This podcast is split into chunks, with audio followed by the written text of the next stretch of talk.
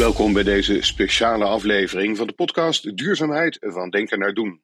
Deze aflevering is live opgenomen tijdens de branchedag 2023 in het Museum in Den Haag. En tijdens deze aflevering gingen we op het podium live in gesprek met maar liefst negen experts, die allen betrokken zijn bij dit onderwerp en actief zijn bij brancheorganisaties in Nederland. U hoort Merel van Sliedrecht, projectmedewerker inclusieve arbeidsmarkt bij Cedris. Wessel Deelstra, Public Affairs adviseur van Transport en Logistiek Nederland. Brent Nijssen van Jong FNOI. Nina Poussinen, Lead Ecosystems Circular Economy bij ABN AMRO. Mark van Gerving, bestuurslid van CA+. Cecile Veldman, de directeur van de Nederlandse Associatie DNA. Willeke Ketting, voorzitter van Metaal Recycling Federatie MRF. Leo Smit, de founder van Smart Trackers. En Tim van der Rijken, adviseur B-Tim. Allen deelden zijn meningen en zij vertegenwoordigen ook in totaal drie generaties, die allen op hun eigen manier naar dit vraagstuk kijken. We hebben hier uh, negen mensen staan, een elftal. Ik ben de tiende man, u bent uh, de elfde man. Ik wil in een heel snel rondje uh, ze allen kort aan u voorstellen. En daarna gaan we drie rondjes debat van 15 minuten in over drie onderwerpen. Ik leg dat zo dadelijk uit en bij elkaar is dat ongeveer een uur. Laat ik aan deze kant beginnen.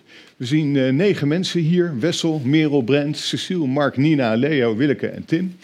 En uh, zo dadelijk is er één slide per persoon. Als ik even bij ze langs ga, dan weet u wie het is, de naam, welke organisatie ze werken. Wat ze ook op hebben gestaan, hebben ze gevraagd: als je nadenkt over duurzaamheid van denken naar doen brengt, en we gaan een uitdaging hebben en je moet het terugbrengen tot één sleutelwoord wat daarbij belangrijk is. Wat is dan jouw sleutelwoord? Je ziet op al die slides van elk van die personen, van elk van de panelleden ook één woord in het groot staan wat hun sleutelwoord daarbij is. En daarmee ga ik een heel snel rondje maken. En zoals u al gezien heeft, hebben we hier ook generaties bij elkaar gebracht. En ja, wat is een generatie? Is dat nou een mindset om in de woorden van Michel te blijven? Of is dat je geboortejaar? Laten we uitgaan van het geboortejaar ongeveer. Dus we hebben zeg maar recentere geboortejaren. Uh, wat uh, geboortejaren die een tijdje geleden zijn en een groep in het midden. Uiteindelijk hoop ik dat het één generatie is. Maar we vinden het interessant ook om te kijken, die sleutelvraag, en dat ga ik jullie alle negen vragen. Zien verschillende generaties volgens jou duurzaamheidsoplossingen verschillend? En eigenlijk alleen een ja of een nee te horen. En dan gaan we in het derde rondje gaan we daar wat eh, verder op in. Ik ga naar deze kant ga ik beginnen. En dan begin ik, als het goed is, bij Merel inderdaad. Merel, hoi. Um, jouw sleutelwoord is uh, inclusief, maar ik wil je heel even vragen, Cedris. Dat kent niet iedereen. In twee zinnen. Twee zinnen. Nou, CEDRIS is de Vereniging van Inclusie op de Arbeidsmarkt. Eigenlijk, we hebben 100 leden en dat zijn de sociaal ontwikkelbedrijven in Nederland. En daar werken allemaal mensen met een arbeidsbeperking of worden opgeleid naar werk toe. Absoluut. Jij doet daar projecten en het woord is inclusief. Dat gaan we zo dadelijk wat verder over horen. Ik ga door naar Wessel, dus als jij de microfoon zou eh, door willen geven. Wessel, hoi, public affairs adviseur bij uh, Transport en uh, Logistiek. Hoeveel tijd van jouw tijd gaat nou eigenlijk op aan duurzaamheid in dat uh, public affairs verhaal? Ontzettend veel. Nou, daar kan ik niet mee. Getallen, eerlijk. Ik denk zo'n uh, 70 tot 80 procent de laatste meer tijd. Meer dan de helft. Echt ja, meer ja, absoluut. Eigenlijk absoluut. dominant gewoon. Ja, ja. Is het recent? Ik denk dat dat wel een recente ontwikkeling is. Sinds ik er werk is dat al wel zo. Maar je ziet dat dat ook op, uh, nou, op de verschillende dossiers gewoon heel erg is. Dat gaat van arbeidsmarkt tot inderdaad wagenpark bij ons. Uh, ja, Helemaal overal zit dat uh, woord duurzaamheid in. Ik zou je straks willen vragen om het woord duidelijkheid toe te lichten. Maar dat besparen we nog Komt even goed. voor ze dadelijk. Als je hem door zou willen geven aan Brent. Brent, voordat ik jou introduceer... en ik ontkom er niet aan om af en toe met de rug naar het publiek te staan... Brent is heel bijzonder hier, want we zouden hier Floor hebben... en die bleek afgelopen weekend ineens door een triest verhaal verhinderd... En dan staat hier gewoon Brent die gevraagd wordt op maandag, doe je mee? En die zegt automatisch ja. Dus dat verdient sowieso een apart applausje. Dankjewel Brent om dat uh, te willen doen. Um, jij bent deelnemer van Jong FNOI, hè, de oud-papier-industrie-organisatie. Uh, uh, Wat doet Jong FNOI? Nou, uh, FNO, de Jong FNOI is, uh, wordt eigenlijk uh, opgericht nu. Dus ja? ik ben hier eigenlijk meer namens de FNOI. Oké. Okay. En dat is de brancheorganisatie Federatie Nederlandse Oud-Papierindustrie. En dat is eigenlijk een heel circulair model al op zich. het, het oud papier, ja. net zoals ze vroeger deden, weer gebruiken voor nieuw papier. Precies. En ja, dat, daar zijn heel veel ook ontwikkelingen gaande van hey, hoe gaan we die papiervezel langer in de loop houden. Um, hoe gaan we die inzamelsystemen verbeteren? Um, ja, hoe gaan we die, die impact meten van uh, Virgin ten opzichte van nieuw papier. Virgin is eh, nieuw. Jij zit vol in Ja. die verandering om de toekomst te maken eigenlijk, eh, als jonge generatie.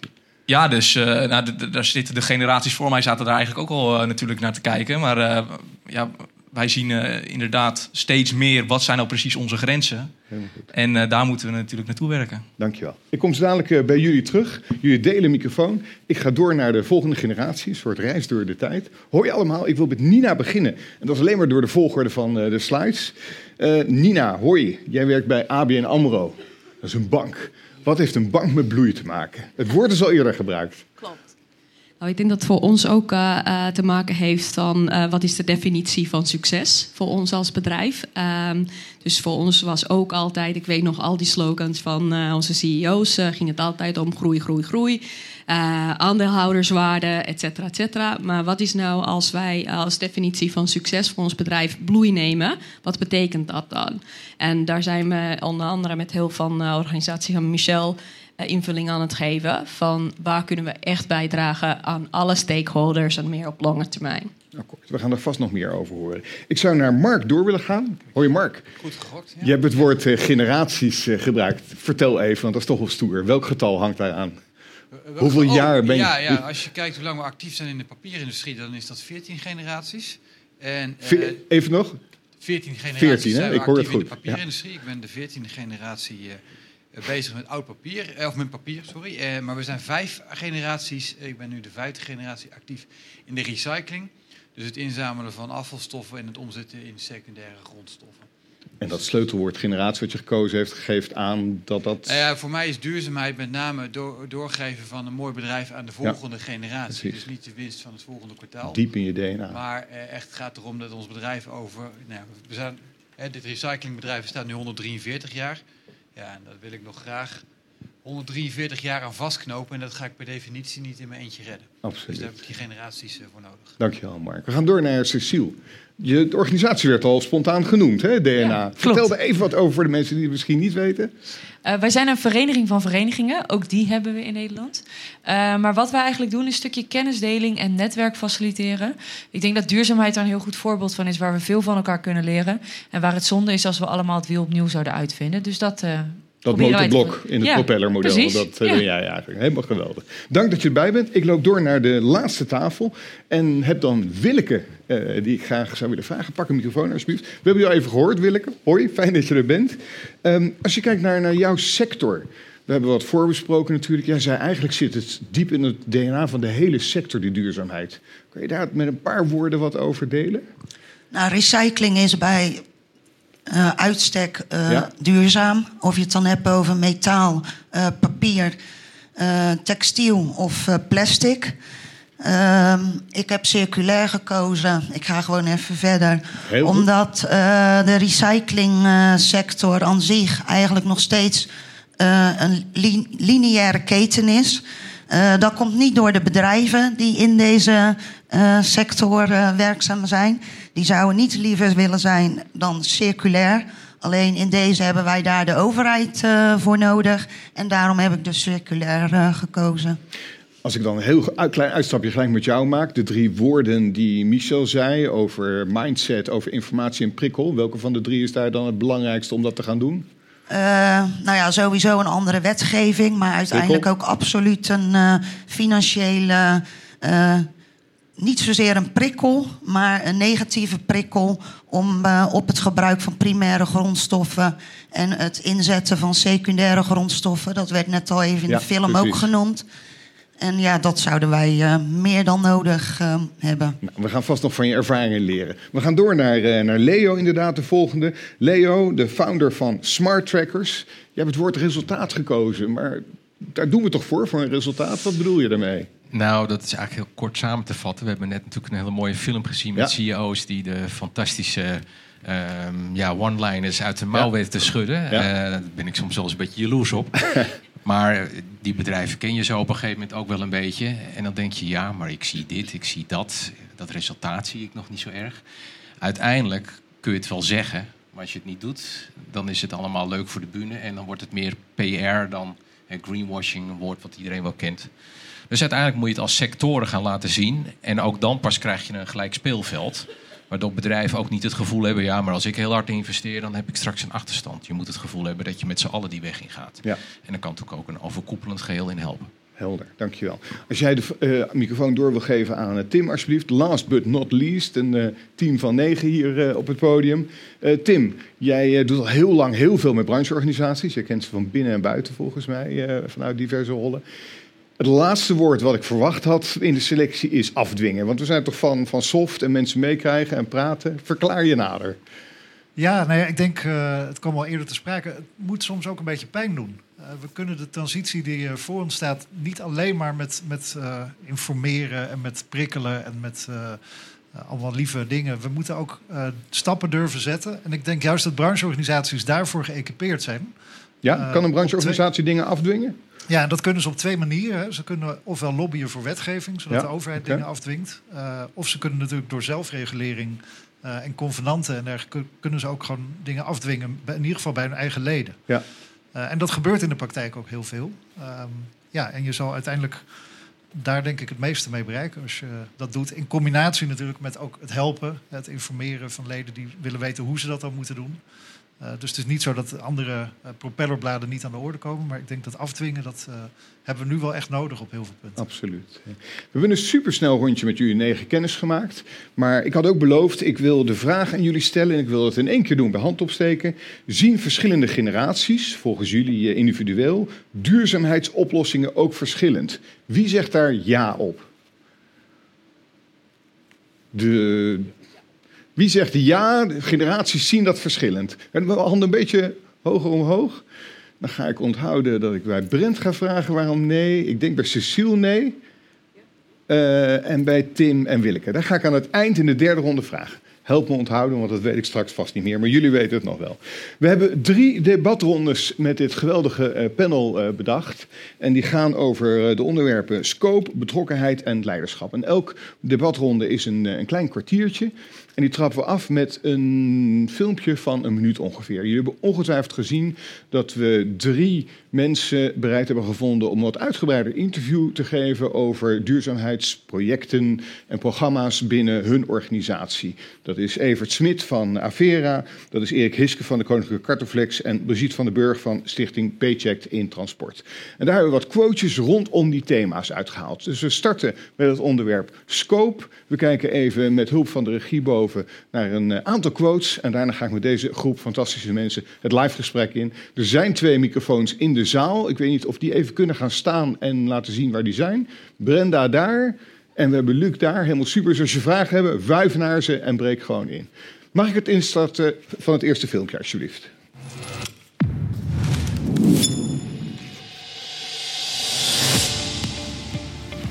Ja, op verschillende manieren. Eh, inderdaad, eh signaleren in het bestuur dat grote bedrijven eigenlijk verder zijn met het aanpakken van het klimaat, klimaatprobleem dan die kleine bedrijven. Hoe ontwikkel je nou iets voor die kleinere ondernemingen of die middelgrote ondernemingen, zodat die aan kunnen haken? En dat doe je door daar een specialist voor, eh, voor, voor aan te wijzen binnen hè, iemand voor vrij te maken. Met, met workshops, met, met nulmetingen en dat soort zaken. Het is wel een leerproces. Je moet zorgen dat je mensen meeneemt. Dus dat je duidelijk maakt, concretiseert van hier gaan we naartoe. Dit betekent het voor jouw bedrijf.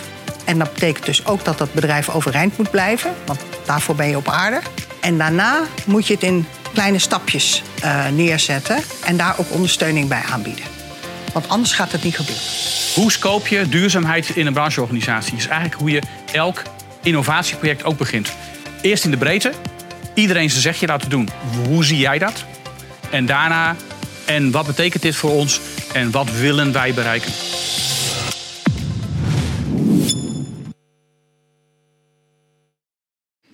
Dank aan deze drie geïnterviewden. Ik ga gelijk aan deze kant blijven staan bij jou, eh, Brent. Ik wil met jou eh, starten. Want jij hebt het woordje balans gekozen. Je hebt economie gestudeerd met een minor in duurzaamheid. Dus jij hebt de theorie ook. Zie jij het ook als een innovatieproject? En ik waarschuw je, Evert Smit zit in de zaal. Hè? Eh, Zie jij het ook als een innovatieproject of is het gewoon gaan als ondernemer?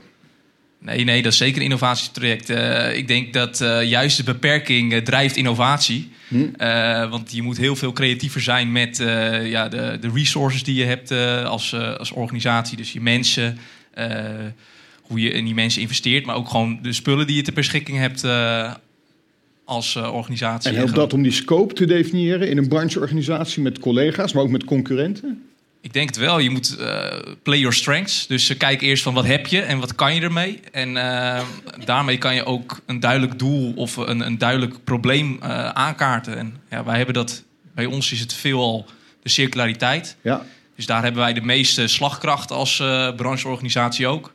En ik denk dat dat eigenlijk ook ons North Star moet zijn. En de rest moeten we niet uit het oog verliezen. Maar ja, waar wil je de grootste stap maken als organisatie? Ja, precies. Ja. Uh, ik wil even naar Cecile uh, toe lopen, want die kent heel veel verenigingen en brancheorganisaties. Maar voor jullie alle haak in als je dat wil. Hoe doorbreek je bij dat scopen nou verlammende discussies tussen concurrenten en schijndiscussies en mensen die het saboteren? Heb jij inzicht hoe dat gebeurt binnen organisaties, hoe dat doorbroken wordt? Nou, eigenlijk zie ik verschillende dingen. Uh, ik zie voorbeelden waar het doorbroken wordt. Waar er vanuit de brancheorganisatie bijvoorbeeld... een goed voorbeeld vind ik uh, matrasseninzameling. Vanuit hm. Koninklijk CBM is dat. En die zijn het initiatief gestart om eigenlijk de branche te helpen... en te zorgen dat dat beter op gang komt. Uh, ik denk dat dat goede voorbeelden zijn waar je ook als branchevereniging positie kunt nemen en kunt laten zien hoe je zoiets moet doen. Helder en concreet. En... Precies, en ja. makkelijk om ook als bedrijf denk ik aan mee te doen. Uh, en dan stap je ook denk ik voorbij wellicht mogelijke concurrentieposities. Maar ik hoor ook verhalen waar brancheverenigingen stappen willen zetten en vervolgens door leden wordt gezegd: hoezo doe jij dit? Want dit kan mijn concurrentiepositie ja. bevorderen. Je Want bent ik er voor had mij. het, ja, precies. Je ja. bent er voor mij. En ik had dit al bedacht. En nu help jij ook mijn concurrent. Uh, en ik denk dit laatste.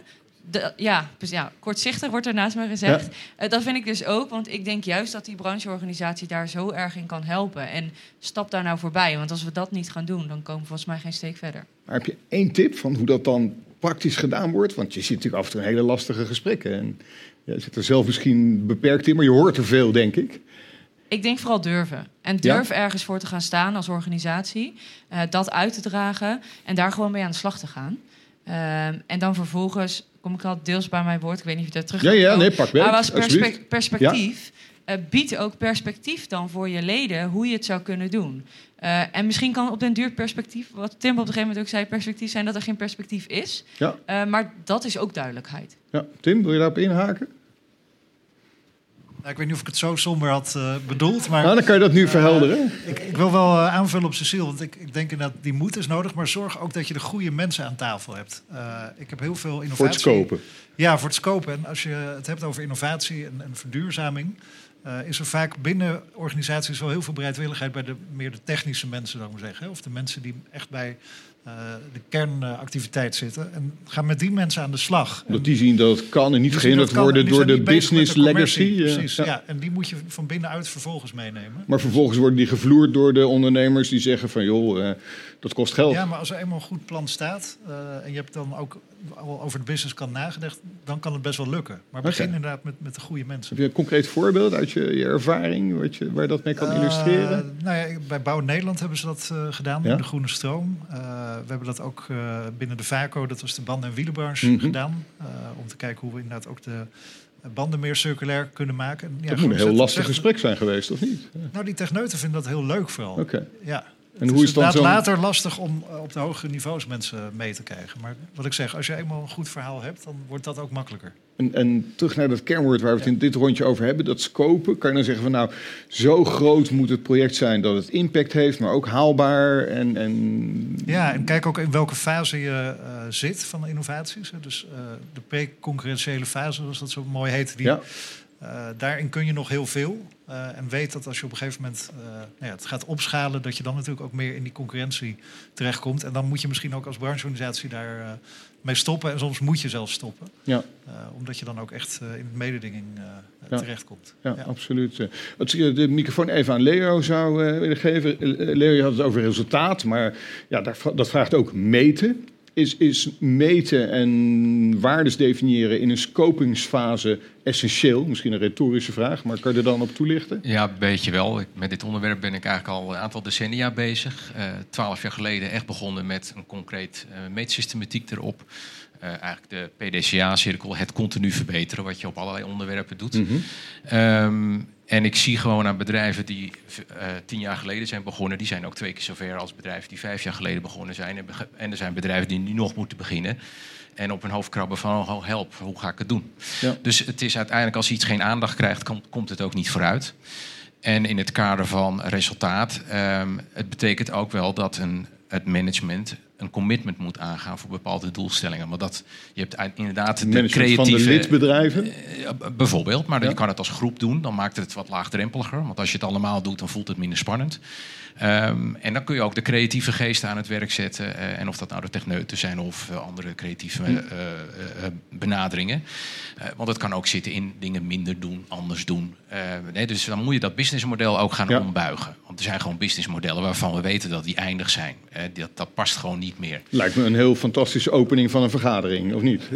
Nou ja, je zou natuurlijk wel kunnen zeggen: wij doen nu dit, maar willen we over tien jaar ook nog als bedrijf bestaan? Wat zouden we dan moeten doen? En hoe zit die weg daar naartoe?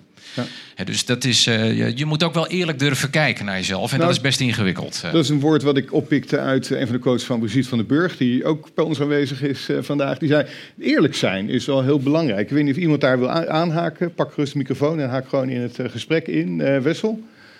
Ja, ik wilde sowieso nog even inhaken Ja, op, wat, eh, op wat Cecile ook aangaf. Dat er best wel een behoorlijke taak bij de brancheorganisatie ligt op dit moment. En dat is niet, denk ik, alleen het in huis houden van de goede mensen. Dat is één deel van het verhaal.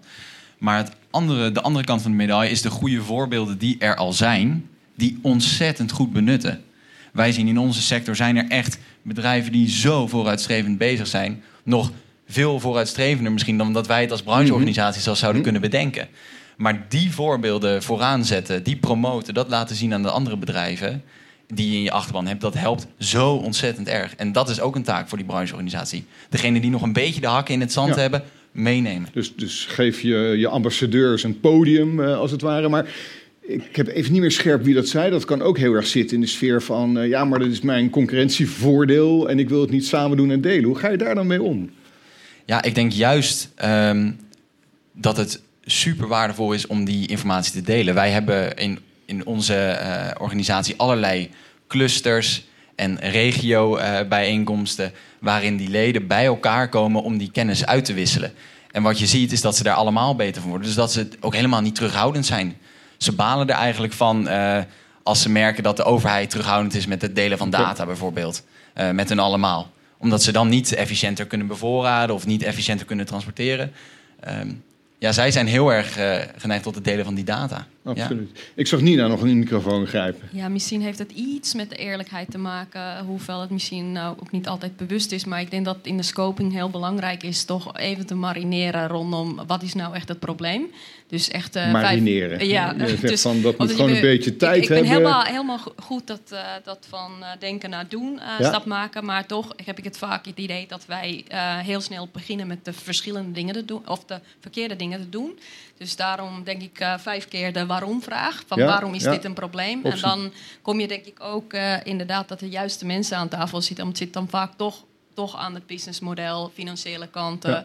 et cetera. Dus dat je de juiste problemen aanpakt. Terug naar waar ik mee startte, waaruit de quote van Evert Smit was van het is een innovatieproces. Is het dat dan ook een beetje van ideation en dan rijpen en filteren en testen? Is dat dan daar een onderdeel van? Ja, zeg maar, als je dan echt een goede eh, probleem hebt gekozen, dus je hebt vijf keer die eh, eh, waarom-vraag eh, Ja. gekozen, dan ga je natuurlijk wel prioriseren van, eh, van eh, wat, wat is haalbaar, wat is de eerste stap. En dan is het goed om te werken met eh, tussenstappen en concrete producten, oplossingen, die dan weer testen bij, eh, bij je klanten, Hm. je suppliers. Maar Een beetje in lijn met, met de video. Ik denk dat op een gegeven moment na die vijf keer waarom, dat we dat dan weten. Maar dan krijg je ook tien keer de hoe-vraag. En dan, hoe ga je daarmee om? Pak de microfoon. Hoe bedoel je tien keer de hoe-vraag? Van ja, geweldig, we moeten dit doen, maar eh, het doet pijn, het kost me schade. eh, als, ik doe het niet in mijn eentje. eh, al die hoe-vragen. Hoe ga je daar nou mee om om toch een project te definiëren? Ja. Mark, als je iets wil zeggen. Ja, Mark. Het is wel wat je zegt, het doet pijn en het, ik doe het niet in mijn eentje. Dat is juist waar brancheverenigingen zo belangrijk voor zijn. Ja. Dat je het niet alleen hoeft te doen. Want als het voor de hele branche geldt en je met elkaar ervoor gaat staan, dan doe je het niet in je eentje en dan is het geldt het gewoon voor iedereen. Maar toch een beetje... Dus- Nou, daar wilde ik dus ook eh, inderdaad Oh, eh, het over hebben. Maar wij zitten in dezelfde tak van sport. Ja. Ehm, wij hebben namelijk als branche ehm, eigenlijk voordat er een hoe of een waarom vraag eh, werd gesteld... eh 15 jaar geleden een keurmerk opgesteld... waaraan al onze leden moeten voldoen. Ehm, die, die worden ook jaarlijks hierop geaudit. In dat keurmerk zit eigenlijk verankerd eh, milieu, arbo en alle zaken die ertoe doen. En door dat eigenlijk verplicht te stellen aan de leden... heb je een soort gelijk speelveld gecreëerd. Selectie aan de poort eigenlijk doe je daarmee. Ja. ja. Ja, helder. Jij was wil nog iets aanvullen volgens Ja, mij. nou, dat woord wat eh, Willeke noemt, gelijk speelveld, dat is Ja. echt key. En Ja. dat is ook waar brancheverenigingen heel belangrijk voor in zijn. Niet alleen om dat binnen de leden te doen, maar er ook om er bij onze overheid op te hameren en ervoor te lobbyen dat dat gelijke speelveld ook gehandhaafd wordt. Want dat Ja. is oh zo belangrijk. Absoluut. Ik denk dat het haast een naadloos bruggetje is om over te gaan naar eh onderwerp. Nou, Nina, jij hebt het laatste woord. Ik geef jou het laatste Nou, woord. over de hoe van, je moet denk ik ook accepteren dat het nooit maar één hoe is. Dus je speelt inderdaad op systeemniveau, op Ja. het bedrijfsniveau en echt op het individuele niveau van de mindset, denk ik dan. Eh, dus, eh, maar eh, als je alleen maar roept naar de overheid en partijen, doen wij ook als banken, de level playing field oproept, dan moet je het ook goed onderbouwen. Dus dat je het dan kan laten zien van, hé, hey, als jullie dit doen, dan kunnen we dit. En daar ook commitment voor geven. Dus het is schakel op verschillende borden Ja. gelijk. Absoluut. Niemand zei dat het eenvoudig zou zijn. Eh, wij schakelen door naar het, eh, het volgende onderwerp. Betrokkenheid. Hoe krijg je nou eigenlijk de club in beweging? Van, van ja knikken naar ook ja doen. Hè? Nou, jullie hebben daar een geweldige vorm voor. We starten het weer in met een eh, filmpje, als ik de hulp van de regie mag... waar een aantal quotes uit die wat langere interviews in staan.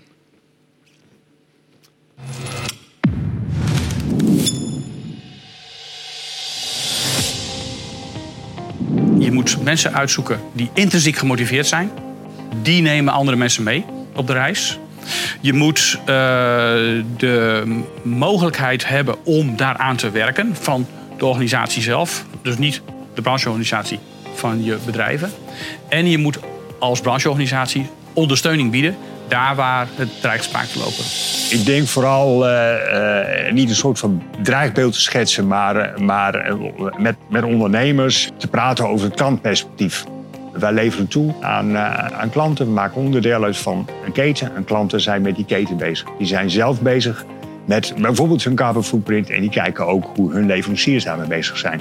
Die vragen gaan sowieso wel bij, bij onze leden landen en ze moeten daarop voorbereid zijn. Dat doe je natuurlijk in eerste plaats door mensen eh, voor te lichten. Mee te nemen wat betekent het voor jouw bedrijf. Want ja, er moet iets voor ze in zitten, want anders gaan ze het niet doen. En het tweede is dat je het behapbaar maakt. Je moet het hele traject in stukjes eh, knippen. En daar ondersteuning op aanbieden, zodat zij kunnen zien... van oké, dit is dus het pad wat ik ga lopen en dat is voor mij te doen. En niet een of ander groot visioen en mooie verhalen. En eh, ik heb geen idee wat het voor mij betekent. Mag ik gelijk met jou door, Willeke, als jij de microfoon kan eh, pakken. Volgens mij ben jij niet van de grote visioenen wat dat betreft ook, maar gewoon van eh, concreet aanpakken. Dat, je zei al selectie aan de poort, maar dan toch die betrokkenheid bij dingen die je als brancheorganisatie aanpakt. Hoe organiseren jullie dat? Eh, nou ja, sowieso eh, door eh, te zorgen dat je je leden goed informeert, maar dat ze elkaar ook ontmoeten. Ehm, ja, je ziet eigenlijk dat vooral de laatste twintig jaar er echt wel een, een ontwikkeling in bewustzijn is geweest voor wat betreft, ja, wat doen we nou eigenlijk als branche? Ehm, we hebben bijvoorbeeld een tool ontwikkeld met CE Delft om eh, de CO2-reductie eh, uit te kunnen rekenen als bedrijf van eh, waar je mee bezig bent, dus van wat je doet.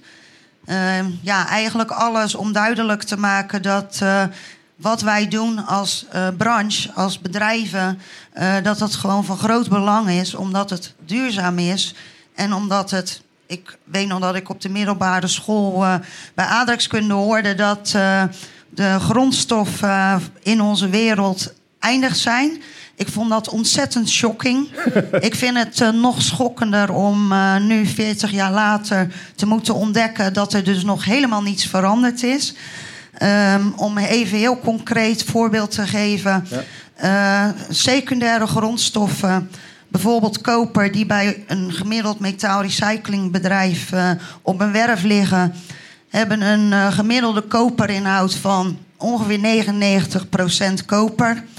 Als kopererts gedelft wordt, uh, behalve dat het milieu belastend is en maatschappelijk ontwrichtend, noemen we een rijke koper, de, kopererts als er in het gesteente 5% koper aanwezig is. Um, ja, ik denk dat dit genoeg zegt. En um, ik denk dat onze leden zich steeds meer bewust uh, worden van uh, ja, wat hun doen en wat ze kunnen betekenen in het verduurzamen van bepaalde zaken. Ja, maar ik vraag even door, want het voelt onderhuids alsof het dan toch naar je gevoel niet hard genoeg gaat nog steeds. Ligt dat dan binnen de organisatie, de betrokkenheid? Kun je de club nog harder aanzetten? Uh, nou ja, ik denk dat het uh, met verschillende dingen te maken heeft. Eén is dat wij uh, nog steeds onder wetgeving vallen uit die totaal achterhaald is uit de vorige eeuw, -huh. namelijk afvalstoffenwetgeving. Nou, dat zegt eigenlijk al genoeg, dat woord, afval. Ja, grondstoffenwetgeving. Ja, en ja. ik denk dat, dat um, door de wetgeving te veranderen, dus waardoor wij onder grondstoffen vallen ja, het allemaal veel sneller zou kunnen gaan. Dus het, het is ook gewoon heel stroperig. En dat ligt niet zozeer aan de individuele bedrijven binnen onze branche, maar ja, aan het hele speelveld waarin wij ons bevinden. Precies. Je noemde communicatie. Ik ga zo naar die kant, want daar staan allerlei communicatiemensen om het over te zeggen. Maar ik zie dat we in de zaal ook een microfoon aan hebben voor een bijdrage. Ja, ik denk dat dat, dat aansluit bij wat Willeke zegt. Want ik vind eigenlijk de hele discussie nog verschrikkelijk braaf en ja. netjes en langzaam ja. en we hebben tijd en we moeten medewerkers. Mag ik een hele vraag om even te vertellen welke organisatie... Dus het, uh, ik, ben, ik ben voorzitter van Koninklijke Cartoflex. Oké, okay, cool. Dus van, vanuit daaruit. Ja. En uh, het is gewoon allemaal veel te netjes. En als ik in de film hoor van we hebben geen tijd... en de drie graden, 2050... Ja. en ik hoor Willeke zeggen... we leven nu nog in het jaar nul qua wetgeving... Ja dan zou ik daar wel eens een keer wat hardere reacties op willen horen ja. eigenlijk. Als u zonder enige beperking het zelf harder zou kunnen doen, waar zou u op inzetten in een brancheorganisatie? Met name uh, op wetgeving en, en, en uh, ja. nou, volgens mij zei Tim dat, afdwingen. Ja. Ik denk dat er veel harder afgedwongen moet worden. Ja. Dan ga ik straks naar communicatie, want Tim, wetgeving zei je in het voorbereidende gesprek ook, als je microfoon kan pakken, dat is toch een drijver daarin. Kan je daar nog iets meer op toelichten? Um... Ja, nee, ja, zeker. Ik ben blij dat er meer ja? vinden die dat, uh, die, die dat nodig vinden.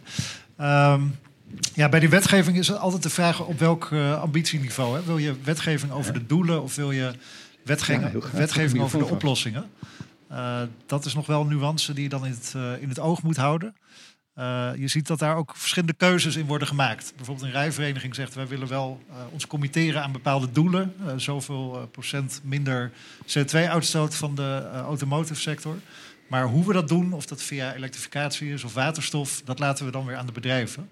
maar er zijn ook juist verenigingen die zeggen nee, dit wordt de oplossing. de waterstofsector zelf is er bijvoorbeeld ook mee zegt nee, we willen gewoon wetgeving over bepaalde percentages die in bepaalde schakels gebruikt moeten worden. Ja. Dat geeft andere bedrijven weer heel veel zekerheid. Dan weten ze, oké, okay, als dat wetgever wordt, dan kunnen we daarop gaan investeren. En weten we ook dat het terugkomt. Zouden brancheorganisaties naar jouw mening zelf ook daar meer durf, meer ballen moeten hebben om te zeggen, wij zetten die norm? Ja, zeker. Uh, ben ik nu uh, beter te horen? Ja. Nee, jij bent goed hoor. Ik wilde dat dus ook die vraag stellen. Van zijn brancheverenigingen ja. niet te voorzichtig dan? Ja, en wat daarbij helpt is ook uh, iemand die binnen de vereniging... en vaak is dat de voorzitter uh, daar ook echt uh, het voortouw ja, in neemt. We gaan het straks over leiderschap dat, hebben, dus dan gaan we dat zeker uitdiepen. Uh, Cecile, jij wilde nog iets toevoegen daarin. Is dat een vraag of, een, of, een op, was het een observatie? Nee, het was een vraag aan, of ja, eigenlijk ja. een observatie. Maar ik denk jij dat, ziet heel veel brancheorganisaties. Dus... Ja, maar die zijn dan, kijk, ik denk dat de rijvereniging dan weet niet of er iemand van de rijvereniging is, maar misschien een voorbeeld is. Maar de, je kunt er veel meer noemen. Uiteindelijk zijn er zoveel meningen uh, en belangen bij leden. Uh, dat dat maakt, denk ik, dat brancheverenigingen heel voorzichtig zijn. Of voorzichtig kunnen zijn, en de een meer dan de ander. In hoe ze zich opstellen in dit vraagstuk. Wetende dat er naast duurzaamheid nog misschien wel, en daar kan best wel misschien meer op zeggen, honderd ja. vraagstukken zijn die spelen. Ja. Waar je die leden ook weer nodig hebt. En dat maakt het, denk ik complex. Niet onmogelijk, maar wel complex. Nou, heeft wel een microfoon, maar, maar uh, uh, heel even daarop door. Zeggen we met elkaar als mensen die in dit, dit onzichtbare werkveld werken dat eigenlijk het DNA van brancheorganisaties verandert van een dienende club naar meer een sturende club in algemene termen? Wil je daar, Cecile, misschien nog even één seconde? Jij ziet er heel veel. Ik denk dat het zijn je leden niet- klanten of ben jij de baas van je leden? Heel cru Nou, gezegd. Ik denk dat het dus. Ik denk dat het niet per se verandert. Ik denk dat sommigen zich misschien zo opstellen. Eh, maar ik denk nog steeds dat er een heel dienend karakter in een vereniging zit. Ehm, en wel die voorbeeldfunctie die Wesse ook zegt. Ja. Dat zie ik heel veel om te delen. Ehm, maar nog niet zo sturend. De ene is sturender dan de andere. Hè. Daar zie je echt grote Ja. verschillen in. Ik bedoel, we hebben tig verenigingen in Nederland. Overal is een vereniging voor. Ja. Ehm, en daar zie je dus hele grote verschillen tussen. Maar dit is wel een vraagstuk wat we met z'n allen moeten aanpakken. Eh, en die diversiteit in hoe je je opstelt eigenlijk niet kan, wetende hoe eh, nou ja, urgent het probleem ja, is. nee, absoluut. Eh, dat voelen we met z'n allen. We komen zo bij Mark terug. Ik wil even Wessel, want eh, ja, communicatie. Ja, ik wilde er eh, meteen al even op inhaken. Want net werd, eh, werd afdwingen eh, genoemd als woord. En wetgeving wordt genoemd. Twee hele belangrijke. Maar ik zou bijvoorbeeld echt dolgraag tegen mijn leden zeggen van... je moet nu elektrificeren. That's it. Als je dat doet, dan komt het goed. Maar je moet het wel nu doen. Het lastige is dat als wij dat gaan zeggen... dat we geen rekening houden... en dan kom je een beetje op mijn, mijn vakgebied, public affairs... met de overheid. Namelijk, en dat is mijn woord, duidelijkheid. Op dit moment is er voor die ondernemers, tegen wie je dat zegt, geen enkele duidelijkheid over bijvoorbeeld de capaciteit van het elektriciteitsnet. Over de laadinfrastructuur die beschikbaar komt voor, in mijn eh, situatie, vrachtwagens. Ehm, zijn dat echte argumenten of drogredenen? Nee, dat zijn echte argumenten. Wij zien dat de investeringsbereidheid ongeluk, ongelooflijk hoog is. Zo'n subsidiepot wordt meteen leeggetrokken. Moet zelfs twee, drie keer overschreven worden. Vervolgens wordt er gelood. Eh, maar als je de business case niet rond kan maken... en je, eh, je bestelt elektrische eh, auto's die je niet kan opladen... ja, dan schiet je op dit moment jezelf natuurlijk heel erg in de voet. Eh, Toch vind ik dat het niet zo'n sterk argument wat je daar hebt. Ehm, uiteindelijk zoek je dan dus heel erg in de technische oplossing. Dat is wat we allemaal graag willen. Dat het probleem in één keer weggaat. En dat we techniek hebben, hebben wat het in één keer in 15 jaar gaat fixen. Dat is een ieder fix. Dus je moet veel meer creativiteit hebben door naar waardeketens te kijken. Wat doe ik anders? Wat moet ik gewoon niet meer doen? En eh, dat werd net al mooi even aangegeven in het, eh, eh, de keynote spe- eh, speaker. Die zegt, je gaat naar waarde kijken. En dat kan iets heel anders zijn dan hetzelfde blijven doen, maar dan geëlektrificeerd. Ik kan je nu al vertellen dat met alles elektrificeren we het niet gaan halen. Daar ligt ons huidige energieverbruik veel te hoog voor. Ehm, en zo kun je in elk eh, facet van die SDG-goals wel een dergelijk probleem terugvinden. Dus je hebt meer creativiteit nodig eh, om, eh, om het op te lossen. Maar er zijn zoveel creatieve mensen, Leo. Waarom lukt dat dan niet? Eh, toch de angst om de business te verliezen zoals die nu is. Ehm, en ook doordat er geen harde doelen zijn op resultaten. Want je kan het blijven uitstellen. Ehm, en er komt nu wel wetgeving, maar ook de overheid is niet bij machten om dat keihard af te dwingen straks. Ik hoor nu al genoeg bedrijven zeggen: ja, we gaan wel aan de slag, we maken een mooi rapport, maar 2030, nou, dat Ja. is nog een stukje vooruit en we zien dan wel weer wat er ligt. Het is nog niet zo hard, dus je moet een, een stuk intrinsieke drijfveer laten zien vanuit een ondernemer zelf. Dit ga ik gewoon doen. En dat je er dan niet helemaal komt, dat kan best. Maar als je op dat, dat streven niet eens hebt, ja, dan weet je zeker dat het niet gaat lukken. Ik wil Wessel daar nog even laten reageren. En dan als laatste Mark en dan gaan we naar het volgende rondje. Wessel, daar naar luisteren. Ja, daarna luid. Kijk, in in de laatste zin gaat het wat mij betreft fout. Als je dat, die ambitie niet zou hebben of dat streven niet zou hebben, dat hebben ze wel. En die targets, die zijn er ook. Hè? In be- bepaalde sectoren misschien minder dan in andere. Maar voor ons is een hele, hele duidelijke benchmark is 2025 zero-emissie stadslogistiek. Dat zijn 30 tot 40 grote steden die dat gaan invoeren. Die staat. En daarvan hebben wij als brancheorganisatie gezegd... het is super fijn dat dat is neergezet. Want dan is die stip aan de horizon. Norm, level playing field. Exact, exact. Maar de weg, hoe kom je daar? Ja? Voor, voor een ondernemer is die ontzettend belangrijk. En die is nu helemaal niet duidelijk. Nee. Want hou je dan de kikkers nog in de kar? Of gaan ze dan allemaal proberen daar het grootste individueel voordeel uit te halen? Ja, wat je gaat krijgen is dat iedereen een oplossing gaat proberen te zoeken daarvoor. Ja. Terwijl je eigenlijk wil dat, eh, dat bijvoorbeeld met, eh, met, inderdaad met subsidie elektrische, eh, elektrische wagens straks die stad kunnen bevoorraden. En dat er voldoende laadpleinen zijn, dat er voldoende netcapaciteit is. Juist voor die sector om die binnensteden te kunnen bevoorraden, niet overal. Eh, en als je dat hebt, ja, dan krijg je ondernemers die bereid zijn om te investeren. Ja. Maar ja, als je dan, Mark? als je Ja? dan nu al kijkt, eh, hè, wat je zegt, die- de, de aanzetsubsidie, dat is een loterij. Ja. dat is, Ja, dat is een ook, loterij. dat is ook een puntje duidelijkheid.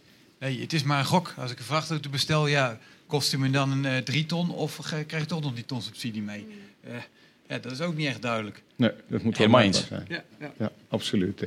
We gaan het rondje hiermee. Dit is niet klaar, hè, dat weten we ook allemaal. We zijn aanzetten aan het maken waarmee u zelf vervolgens eh, uw voornemens kunt doen, uw plannen kunt maken.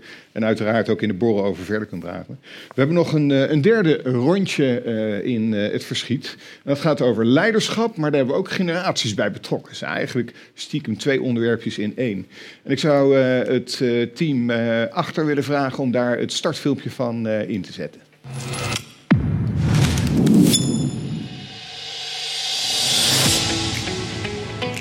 Eerste plaats door eh, zelf daarin te geloven, maar ook betrouwbaar te zijn. Hè? Dus eh, mensen moeten jou vertrouwen, anders gaat er niks gebeuren. In de tweede plaats eh, door dingen toch concreet te maken. Want ja, visionairs hebben heel veel in Nederland.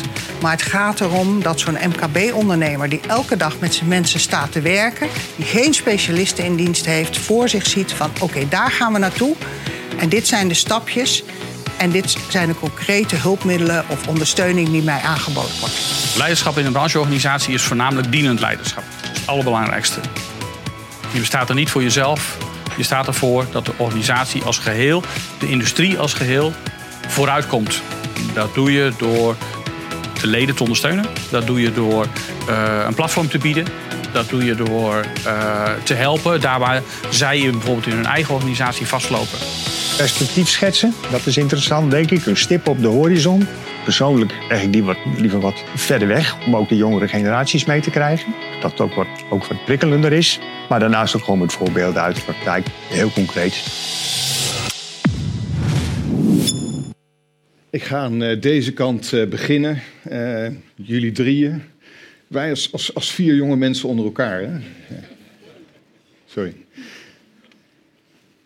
Zijn wij jonge mensen genoeg aan het leiden eigenlijk? Met een EI. Je mag een microfoon pakken, je mag wat zeggen. Hè? Dat eh, was een beetje... Nou, misschien nog niet genoeg. Waarom maar niet? ik denk dat de perspectieven van jonge generaties heel belangrijk zijn om Ja, mee te nemen, uiteraard. Evident. eh, Dus eh, daarom, En daarom een plek voor jullie ook. hier. Ja, dankjewel. Maar nou, ik vraag heel serieus. Zijn jonge mensen al genoeg in charge in, in brancheorganisaties, eh, naar jullie mening? Nou, ik denk dat er nog zeker ruimte is voor verjonging eh, Ja. binnen Wat is de eh, barrière? branchevereniging. Nou, het, over het algemeen zijn het nog wel eh, mannelijk boven Mannen, de kaal, 50. oud. Ja, nee, goed. Ik, eh, Brent. Ik, ik denk ook wat er belangrijk is, is eh, ja, wie is de eigenaar natuurlijk. Van, eh, je, Ja. kan wel een mening hebben als, eh, als een persoon. Maar als jij niet de middelen hebt Ja. om iets ermee te doen... dan kan je schreeuwen in een hele grote ruimte, maar dan... Maar zien je het veranderen? Want je ziet natuurlijk in de maatschappij langzamerhand dat het feit dat je oud bent en ervaren niet per se een voorsprong is. Misschien zelfs een achterstand is, omdat kennis zo snel verandert onder andere. Zie je het veranderen in brancheorganisaties? Eh, eh, Wessel. Ja, wij zien het wel veranderen. En zeker bij die, eh, bij die familiebedrijven, daar zie je het echt heel goed. Dat wanneer de jonge generatie eh, opstapt en die dat dan nog even zo'n eh, zo'n proefperiode heeft samen met de oudere generatie, dat er dan ineens hele innovatieve ideeën ontstaan. Dan wordt er ineens gesproken over, hey, misschien moeten we iets doen met waterstof. En nou, nu een paar maanden later zijn ze bezig met een waterstofstation te openen. Dus dat, dat, ja, dat zie je zeker. Ja. En, en zeker daar. Dus daar moeten we ook eh, inspiratie uit halen, denk ik. Ik denk dat ik dan automatisch naar deze tafel moet. Mark, het woord generaties, het zit in je DNA ingebakken. Jonge mensen, brancheorganisatie, werkt het genoeg? Eh, ja, zeker. Nee, goed, inderdaad, binnen brancheorganisaties zie je veel eh, mensen die al wat meer ervaring hebben, laat ik maar netjes zeggen. Maar dat, doen, dat doet onze generatie en, degene, en de jongeren ook zelf. Hè. Je kunt ook gewoon opstaan en zeggen, ik stel me beschikbaar voor een Kan bestuur. Zeker. In elk geval binnen de FNOI en ik denk bij de MRF ook. eh. Maar het moet ook binnen je bedrijf toegestaan worden. Nee. Nee, nee, nee, nee, nee maar we praten over, eh, over geboortejaren, eh Willeke. en ik kan aan die kant van Leo gaan staan. Zo, zo bedoelde ik hem ook niet. Ik, ik bedoel je meer als, Ja, als nee, absoluut. MRF. Dus, ja. Nee, maar het is een reëel punt natuurlijk. Want Ja, binnen, opstaan, ja. je hoort natuurlijk binnen familiebedrijven is het onderkend en dan zit het meer in de natuur. Maar misschien Nina, grotere organisatie, Brank, corporate. Kan je daar als jong mens, pak de microfoon even, kan je daar eh, opstaan en zeggen... nu wil ik meepraten in de brancheorganisatie, want ik heb een geweldig idee? Ja, steeds meer. En we hebben het ook uh, uh, sinds begin van dit jaar um, geformaliseerd... met een Future Generations Board... die daadwerkelijk mee gaat beslissen... met bestuur gesprekken geeft met onze raad van commissarissen... Um, en ik ben heel benieuwd naar. Klinkt dat, dat een beetje als kinderkabinet? Van, ja, je inderdaad. mag meepraten. inderdaad. Ik, vind het, ik vind het in die zin vind het gewoon een beetje een soort hebben ja, ze tussenmiddel. Geld, hebben ze geld, mandaat, spullen? Mandaat wel, ja. Okay. En ook wat geld, maar ik denk dat dat er niet zo. Wat uh, mogen ze gaat... doen? Ze mogen mee beslissen. Dus uh, op. Uh... Evenredige stem als oud grijskaal. Ja, en ze mogen ook een middel inbrengen, wat heet de generatie toets. Dus ja. daarmee dat ook beslissingen die gemaakt worden, getoetst ja. worden aan bepaalde criteria. Dat zijn we nu aan het ontwikkelen. Dus ik ben heel benieuwd wat eruit uh, um, uit zal komen. En ik vind het inderdaad als een soort, zoals heel, we hebben nog heel veel soort transitiemiddelen nodig. Dus niet het perfecte, omdat ik, ik geloof heel erg, uh, en gelukkig zit in onze management steeds meer ook jongere generatie. Uh, ik geloof heel erg dat die machtstransitie op allerlei manieren moet gebeuren. Dus ook Ja. tussen de generaties. Maar ik hoor eigenlijk meer daarom, ik ben al oma geworden, dus we kunnen Oh, huilen. proficiat, proficiat. ja, dus, eh, eh, maar daarom, ik, op, over de generaties, ik denk dat dat, de gouden combi heb ik vaak gezien. Een beetje de, de echte ouderen eh, en, en de jongeren in de organisatie. Daar zit echt de wijsheid en een soort vrijheid om te Ja. na te denken. En heel veel kennis en ervaring. En dan zeg maar de Friese kennis, omdat er zit ook heel veel kennis bij de jonge mensen. Ehm, eh, en de Friese blik en toch een andere belang bij de toekomst. Als je die combineert, Hm. komt vaak heel iets Toch één uit. gewetensvraag, en hier mag alles gezegd worden, we zijn onder elkaar. Is het geen generation washing? Ik weet niet of het een woord is, maar ik bedenk het ter plekke hier. Nou, dat time will tell. Eh, dus eh, het eh, eh, bedreiging is altijd dat dit soort initiatieven daarop eh, beëindigen. Ja.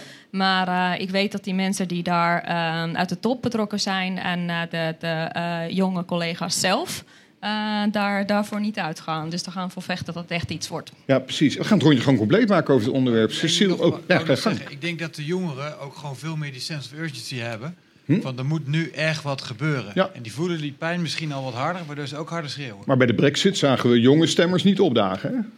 Gewoon even facts. Dat zijn Britten. Die keuren we goed. Cecile, eh, Nou, hoe ik zie wil, jij dat? nou, ik wil eigenlijk toevoegen dat ik denk dat het. Ik zie ook bij veel verenigingen dan een jong huppelde pup eh, er zijn en zeggen ja, dat Ja. mag zo. Wat jij eigenlijk ook zegt, Nina, die mogen dan meedenken. Maar eigenlijk is Toch een het beetje misschien wel- ballenbak, hè? Ja, maar eigenlijk is het toch van de zotte dat het dan zo'n naampje moet krijgen. Waarom kunnen we niet gewoon met elkaar een groep vormen die op duurzaamheid nadenkt? Intergenerationeel? Ja, eh, wat bijvoorbeeld? inderdaad over Ja. alle generaties gaat. En waarom moet het dan weer benoemd worden als jong? Want uiteindelijk gaat het om perspectieven, denk ik, en om ideeën Ja. die er zijn. Eh, en tuurlijk heb je dan, als we het hebben, misschien wel die wat oudere generatie. Daar zit misschien kennis, wijsheid die je nodig hebt om niet in een Hm. of andere val te stappen. Ja. Maar combineer het en blijf het niet bestempelen als losse Nee, entiteiten bijna. Je ziet veel brancheorganisaties, zie je het wel als een trend die vorm aan het krijgen is. Ja, maar ik denk dat dat sneller moet. Oké, goed punt. Ik heb trouwens wel de indruk dat al die eh, jong FNOI, jong MRF, jong whatever... eh, dat dat juist is opgericht om de jongeren erbij te betrekken. Omdat ze uit zichzelf wat minder in de branchevereniging naar voren stappen. Ja. Ik denk niet dat het zozeer is van, hey, jullie ballenbak. Nee, het is meer van, kom erbij jongens. En de- ja, Nina denkt ook. Ja. Oké. Ik eh, zie Evert daar. Kan iemand een microfoon, Brenda? Naar Evert? Ja, eh, ik wil het eigenlijk weghalen van de, het hele idee van leeftijd en van geboortejaar. Eh, het is voor mij veel meer een, een, een punt van inclusiviteit. mhm. Laten wij mensen met andere meningen, andere doelen voor de toekomst toe in deze discussie. En ik zie, in elk van in onze organisatie, nog te veel dat de, het oude businessmodel, de Ja. oude manier van werken en ons kent ons, wij Ja. kennen elkaar en wij doen dit nu eenmaal zo, Ja. dat is nog te sterk. En, en de openheid voor een compleet andere visie, een compleet, en dat, dat is niet aan leeftijd gekoppeld. Dat is gewoon een jonge mindset, als, je het jong woord dan toch wilt gebruiken. Maar dat, die is er niet. In, een, in, in Ja. bedrijven zelf, maar ook, ook in de brancheorganisaties zijn er toch te veel nog mensen met dezelfde mindset die een bepaalde kant op gaan. Maar om En we zijn Pe- te weinig om- open. om Peter Misschien Druk- moeten voorzitters ook niet zo lang blijven zitten Ja, in een goed eh, Nee, dat is ook goed. branchevereniging. Nee, dat klopt. Ja, want om Peter Drucker te parafraseren, tradition eats eh, innovation for breakfast zou je kunnen zeggen. Hoe kan je het doorbbreken? Uh, nou, dan kom je toch weer een klein beetje op afdwingen. Uh, een van de dingen is, mensen moeten niet te lang blijven zitten. Dat is één ding. Je moet ook op een gegeven moment, ik, ik gebruik het woord moeten misschien veel te veel, maar eigenlijk is het dat toch wel. Nee, misschien... Je moet op een gegeven moment toch echt wel gewoon grenzen stellen. En je moet vooral de mensen duidelijk maken, waar zijn we hiermee bezig? Kijk eens goed om je heen. Hou jezelf eens een spiegel voor. Dat werd ook al gezegd. Dat is heel moeilijk. Hou jezelf eens een spiegel voor. Zijn wij niet eigenlijk veel te veel dezelfde kant op de, aan, aan, het opdenken? Zijn wij niet veel te lief voor elkaar? Van ja, wij denken dit, we drinken gezellig, gezellige, gezellige biertje. Dat is ook belangrijk. Maar nee, er zijn harde dingen aan het veranderen. Onze toekomst voor mijn kleinkinderen en achterkleinkinderen is allesbehalve zeker. Dat is mijn doel. En, daar iets aan te doen. En dat moeten die andere mensen ook eens denken. Is dat nou echt jouw doel om jouw bedrijf nou vooruit te helpen? Kunnen we het nog rationeler maken? Zonder jonge generaties actief betrekken gaan we het gewoon niet lukken? Zonder uh, verschillende denkbeelden bij, om om de tafel te krijgen en dat toestaan. En dat toestaan, actief, actief toestaan. Dat moet een, een, een brancheorganisatie, leiding ook toestaan. Die moet dat actief, die mensen met andere denkbeelden erbij betrekken. Ik wil nog wel wat verder gaan. Graag. Want uh, ik denk dat het niet eens uh, alleen binnen je eigen branche uh, de mensen erbij betrekken is. Ehm, ik denk dat de recyclingsector een heel mooi voorbeeld is. Wij hebben ons verenigd met papier, plastic en textiel en dus metalen. Juist omdat er zoveel gelijke problemen zijn aangaande onderwerpen als circulair en duurzaam dat wij vinden dat we daarin met elkaar op moeten trekken. Dus misschien ja, is het soms niet zozeer een probleem van leeftijd, maar ook wel eens een probleem van ego's. Die je soms los moet laten en waar je overheen moet durven stappen. Ja, nou, dat lijkt me een erg goede observatie. Ik, Oh, hij staat nu Geen gang, Leo. Nou, als ik de jonge generatie dan toch ook een, uh, een, een, een, tip klinkt wat, uh, hoe zal ik dat zeggen, vanuit de oudere generatie, maar mee mag geven. Um, ik vind het nog wel wat braaf. Uh, organisaties zijn van nature namelijk in vaste patronen gesleten. Um, en wil je dat doorbreken, dan is dat, lukt dat niet, want jullie zijn straks ook niet meer de jonge generatie. Dan zit je op die tafel en dan kom je hier terecht. Hier staat niks, dus ik weet niet wat de volgende fase is. Maar, maar als je dat nou voelt, die urgentie, en net iets meer drive, en hoef je niet direct aan het asfalt hier in Den Haag vast te plakken. Maar dan zou ik zeggen, gebruik dan jouw achtergrond, jouw kennis, uh, je opleiding, door binnen zo'n bedrijf eigenlijk veel harder op de tafel te slaan. Want daar maak je wel het verschil als jong iemand, omdat je misschien net met iets meer passie of urgentie er nog in zit als uh, iemand die al heel lang iets doet en denkt van nou het zal mijn tijd wel duren. Maar vragen jullie alle, dat, dat lukt alleen als je ook iets concreets hebt waar men zegt van daar hebben we een belang bij. Anders gaat het niet gebeuren. Alleen op tafel slaan, uh, aan de muur plakken, uh, dat, uh, dat is een mooi momentum, maar levert niks op. Mark? Nou, dat is dus de basis. Gewoon met ja. z'n allen binnen je vereniging, binnen je branchevereniging, aanpalende branchevereniging, hetzelfde doel stellen en daarvoor gaan. Ja. En als dat doel helder is voor iedereen, ja. dan is de weg naartoe veel makkelijker. Oké. Okay. Absoluut. Nou, willeke idealisme houden ja, maar we het erin. Gaat, maar het is ook wat langzamer. Hè? Dus op een gegeven moment moet je een keer boos worden dat het niet snel genoeg gaat. En ik zou zeggen, gebruik daar dan uh, een stuk passie en energie bij. En dat is wat positiever uh, afgesteld. Ja. Ik wil even nog de hand omhoog hebben wie nee had bij de vraag van... zien verschillende generaties volgens jou duurzaamheid oplossingen verschillend? Wie had een nee gezegd? Brent. Dan ga ik twee daarvan langs en twee van de andere. Brent, waarom zien generaties dat niet verschillend? Nou, en jij bent derde generatie, vierde generatie familiebedrijf? Vierde generatie. Uh, nou, ik, ik, denk dat we dezelfde oplossing zoeken. Dus, maar uh, we hebben nieuwe inzichten als jongere generatie. Ja. Dus wij kijken op een hele andere manier. Ik ben ook net als uh, Mitchell, Mitchell? Michel, Michel, Michel, Michel. geïndoctrineerd bij de Vrije Universiteit. En wij zitten heel erg met een, eigenlijk een idee uit begin 20e ja. eeuw. Ja. Beprijzen. Beprijzen van de, de, de juiste grondstoffen, het spel uh, anders maken. Ja. Zodat we weer door kunnen gaan. En dan kan je, als je de juiste informatie hebt, dan kan je goed investeren. Dan weet je, uh, is het goed om wel in ja. een elektrische vrachtwagen of niet erin te investeren. En alleen al als je in het juist in dit systeem blijft, ja. dan, dan blijven we kletsen en dan ben je constant belangen aan het afwegen.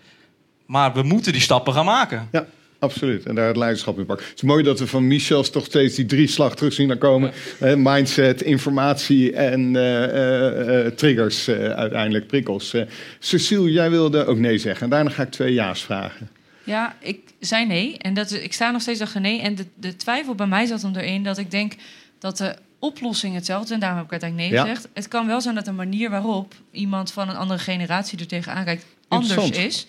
Eh, maar dat hoeft ook weer niet in alle gevallen zo te zijn. Ja. Eh, dus ik denk vooral die verschillende inzichten die eerder werden gegeven. En daar wilde ik eigenlijk nog even de opmerking bij maken. Als we hier in deze zaal rondkijken. en ik denk binnen een gemiddelde vereniging. dan kan je het woord inclusiviteit inclusief. Ja. kan je je ook afvragen of dat goed gaat. Ja, dat maar goed, Ja. eh, dat daar gelaten. Dus dat is eigenlijk waarom ik nee zei. Ja. Je zei dat het, het hoe is verschillend. Een voorbeeld hoe je dat inkleurt? Nou, ik heb eigenlijk niet gelijk een voorbeeld, maar ik denk dat de gedachtegangen wel kunnen verschillen tussen generaties. Eh, en dat het daarin zit van, ja. Ja. hoe werk je uiteindelijk naar die weg toe en welke paden bewandel je? Zit het in, Eh. in, in meer gevoel van noodzaak of meer durf? Of... Nou ja, misschien durf. Als we dan toch even de mensen pakken die zichzelf vastbinden op het asfalt. Ja. Eh, hadden we dat 30 jaar geleden gedacht dat mensen dat zouden doen? Misschien, zijn ze er, misschien is het wel Nou ja, gebeurd. Greenpeace deed Of- dat 30 jaar geleden ook. Oké, Eh, nou nou ja, Denk ik. Goed. Dat, dus eh, niet gelijk een voorbeeld. Nee, ik denk sorry. niet dat die het... Ja, ik probeer mee te denken. dat, eh, maar ik zit me af te vragen. Mark? Je verschilt het wel en dat is ook waarom Ja. ik ja had gezegd. In principe kijken we allemaal ook bij We ons... gaan naadloos naar de ja's. Ja, precies. Eh, in principe kijken we bij ons ook eh, als generaties hetzelfde. We willen een mooi bedrijf doorgeven naar de toekomst. Alleen je hebt een heel ander eh, wereldbeeld. Eh, drie generaties geleden, niemand die erbij nadacht dat het een gek, slecht idee was om kabel te verbranden. Nee. Eh, niemand die erbij nadacht dat het een gek idee was om olie in de grond te laten lopen. Ja. En nu, je, het komt niet eens meer in je op, dus je hele wereldbeeld verandert en de, de weg naartoe is hetzelfde. Ja, in- inzicht Ja. is het woord. Je inzichten veranderen. Ja. En toch, hè, Mark, even in het voorbereidingsgesprek met Michel zei ik ook van... nou, awareness zijn we wel voorbij, iedereen weet. Toen zei Michel, nou, forget it, daar moeten we nog heel veel werk aan doen Dat denk ik ook, ja. Geloof jij dat ook, Mark? Je zit als nee, ondernemer nee, in. Jij, Ja, nee, zeker. Die awareness die is echt... eh ja, nog te veel ontkenningsgedrag, niet ja, willen ja, weten? ook, ook bij onze klanten, daar zie ik ook nog hele gekke dingen gebeuren hoor. Ja. Ja. Ja. Eh, Gewoon afvalstromen die prima te scheiden zijn. Sommige afvalstromen die ook echt gewoon niet tussen het restafval horen. En het gebeurt gewoon nog, ja, want als ik het als chemisch afval af moet voeren, is het duurder. Ja. Ja, ja dat is zo. Ja, dat klopt. Het is een harde weg. Ja. Ik ga nog één keer naar deze tafel. Tim, Ja, ik, daar wil ik toch even, ik wil dat bestrijden. Ik denk dat... eh, wat wil je bestrijden? wat- of het wereldbeeld echt wezenlijk anders is bij jongere generaties dan bij ouderen. Eh, ik denk dat dat heel erg toch meer van je persoonlijke situatie afhangt. eh, van je mindset, wat wil je zien. Eh, maar bijvoorbeeld ook, hè, heb je kleine kinderen of niet? Ik heb bij mijn eigen generatiegenoten heel veel gemerkt... dat dat, dat wel echt een defining moment was. Dat zeiden, ja, ik ga nu dit dingen toch echt wel eh, Ja. in een ander licht zien. En dat zag je ook mooi met die brieven die eh, mensen Ja. schreven voor hun achterkleinkinderen. Oh, Dus dat soort dingen spelen ook mee. Dus ik, ik zou toch niet zeggen dat jongere generaties allemaal het urgenter zien dan eh, de ouderen. Ja. Ik vind dat een fantastisch mooie opmerking om dit gesprek niet te beëindigen, maar op pauze te zetten. Want ik denk dat dat vooral de boodschap is die we met elkaar vandaag hebben. Het is alleen maar aanzetten van een continu gesprek wat we met elkaar hebben. En wat niet klaar is, wat lastig is, wat uitdagend is. En wat je samen moet voeren om eh, verder te komen. Ik ga zo dadelijk afronden, maar ik wil dat niet doen zonder... We zitten hier in een plek dat is een beetje een kosmos. Ik wil een kosmos verpulverend applaus horen voor dit panel, alstublieft. Ik wil jullie enorm bedanken en je uitnodigen om eh, mooi weer op eh, rij 4 te gaan, gaan zitten. Wees voorzichtig op de trap. Want ja, uiteindelijk is die klok dan toch gewoon eh, eh, alles eh, verslindend en moeten we stoppen.